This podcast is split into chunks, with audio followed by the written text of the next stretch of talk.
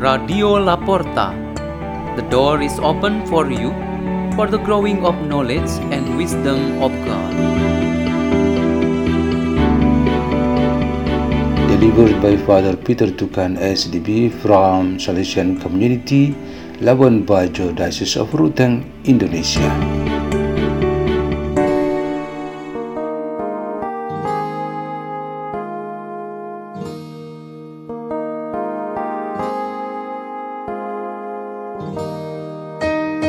Reading and meditation on the Word of God on Saturday of the 17th week in Ordinary Time, July 30, 2022.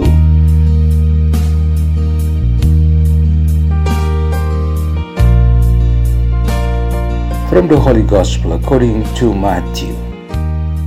Herod the Tetrarch heard of the reputation of Jesus and said to his servants, This man is John the Baptist.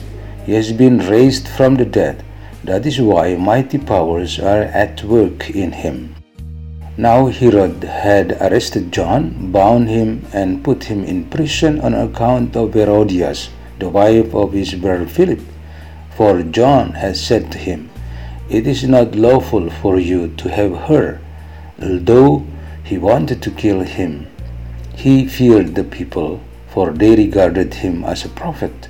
But at the birthday celebration of Herod, the daughter of Herodias performed a dance before the guests and delighted Herod so much that he swore to give her whatever she might ask for.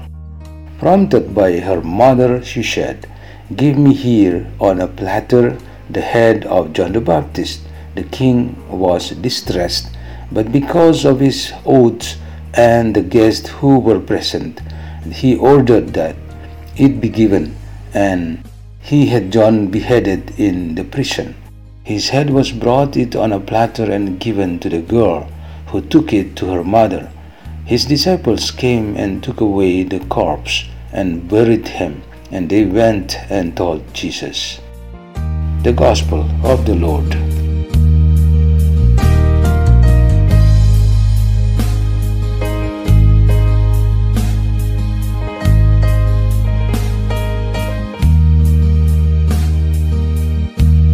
Theme for our meditation today is Death for the Truth. There is at the city gate a famous statue which is called the child on the mother's shoulder stands to give meaning to the city. In ancient times, the city was defended by a young man who led the whole people to fight the enemies who wanted to occupy the city. Even though the city was successfully defended, this young man was killed in the war. His own mother put the son on her soldier, and while mourning for him, she carried him into the city to be given reverence by everyone and the whole city. The Virgin Mary gave birth to Jesus Christ, cared for him, and witnessed with her own eyes the son's shameful death. Then she put Jesus' body on her lap, the La Pietà from Michelangelo. The Blessed Mother witnessed firsthand the Lamb of God who was sacrificed for defending the truth from those who were seeking to destroy the truth. Mary's nephew, John the Baptist, was also killed earlier than Jesus by an evil king Herod because this ruler was so threatened by the truth. After Jesus and John the Baptist, there are men and women throughout generations have been willing to sacrifice their lives for defending the truth that comes from God. Heroes from our towns and countries are people who have died for the truth. Then the question is this Does the truth have to be compensated by death?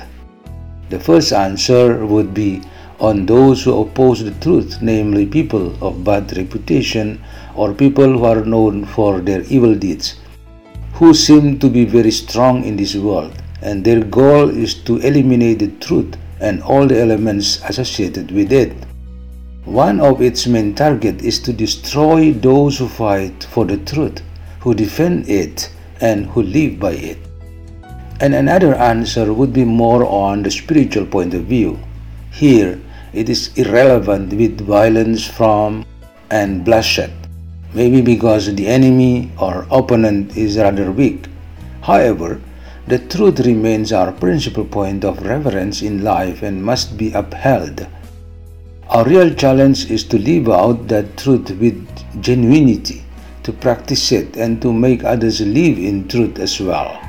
It is here that we should die for our laziness, boredom, indifference, selfishness, forgetfulness, and other personal deficiencies that put us away from the responsibility to live in truth.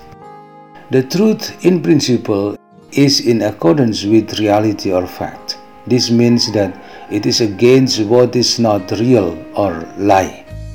Truth is also defined according to the rules, norms, morals.